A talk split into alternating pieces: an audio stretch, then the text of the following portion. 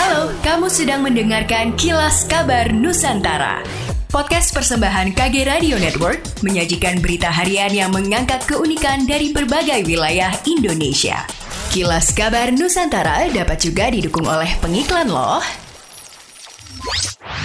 Sobat Medio, podcast Beginu yang dibawakan oleh Wisnu Nugroho, pemimpin redaksi Kompas.com siap bekali kamu dengan obrolan penuh wisdom mulai dari Dahlan Iskan, Najwa Shihab, Jason Ranti, dan sosok inspiratif lainnya. Persembahan Medio Podcast Network by KG Media dan Kompas.com hanya di Spotify.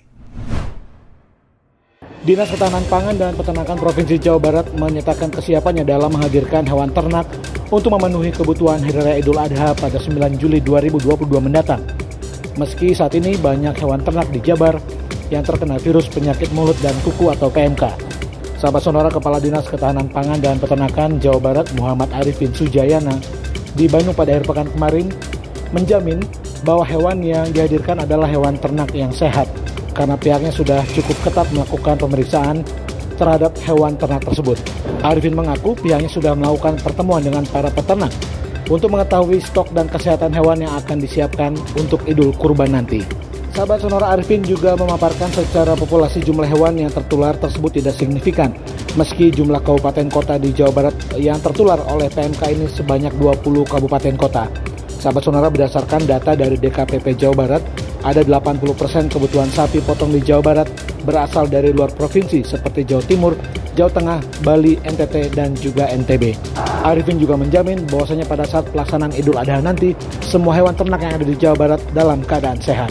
Kapal motor KM Ladang Pertiwi 02 yang membawa 42 orang penumpang termasuk ABK dilaporkan tenggelam sekitar 10 nautical mil atau NM di perairan Selat Makassar pada Kamis siang 26 Mei 2022. Kepala Basarnas Sulsel Junaidi menjelaskan insiden itu bermula ketika kapal berangkat dari Pelabuhan Rakyat Pautere Makassar menuju Pulau Kalmas, Kabupaten Pangkep. Namun saat memasuki perairan Selat Makassar, kapal tersebut diduga kehabisan bahan bakar dan menghadapi cuaca buruk. Junaidi mengatakan sebanyak 17 penumpang telah berhasil dievakuasi dan mendapatkan penanganan medis, sedangkan 25 penumpang lainnya masih belum ditemukan. Sementara Gubernur Sulawesi Selatan Andi Sudirman Sulaiman ikut memantau upaya pencarian terhadap 25 orang penumpang KM Ladang Pertiwi 02 yang dilaporkan tenggelam. Upaya pencarian tersebut dilakukan bersama sejumlah pejabat militer dan Basarnas Sulsel di wilayah perairan Kepulauan Pangkep. Mereka melakukan pencarian menggunakan helikopter dari pangkalan TNI Angkatan Udara Sultan Hasanuddin Makassar.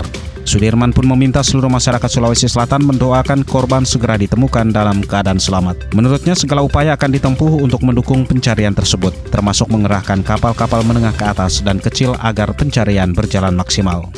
Gubernur Jawa Timur Kofifa Indar Parawansa mengklaim bahwa sejak 25 Mei lalu telah terjadi penurunan harga rata-rata minyak goreng atau migor curah Jawa Timur sebesar Rp2.879 atau 14,66 persen. Klaim penurunan itu disampaikan Gubernur usai melakukan monitoring stok dan posisi migor, terutama migor curah yang harganya mulai menurun, bahkan ada yang menjual dengan harga sesuai HIT Rp15.500 per kilogram seperti yang Kofifa jumpai saat sidak di Pasar Soponyono Rungkut, Surabaya. Gubernur menegaskan menegaskan bahwa posisi harga migor curah mengalami penurunan yang semula harganya pernah mencapai Rp20.000 per kilogram, pada 25 Mei terkonfirmasi sudah ada yang sesuai HIT senilai Rp15.500 per kilogram. Demikianlah kilas kabar Nusantara pagi ini.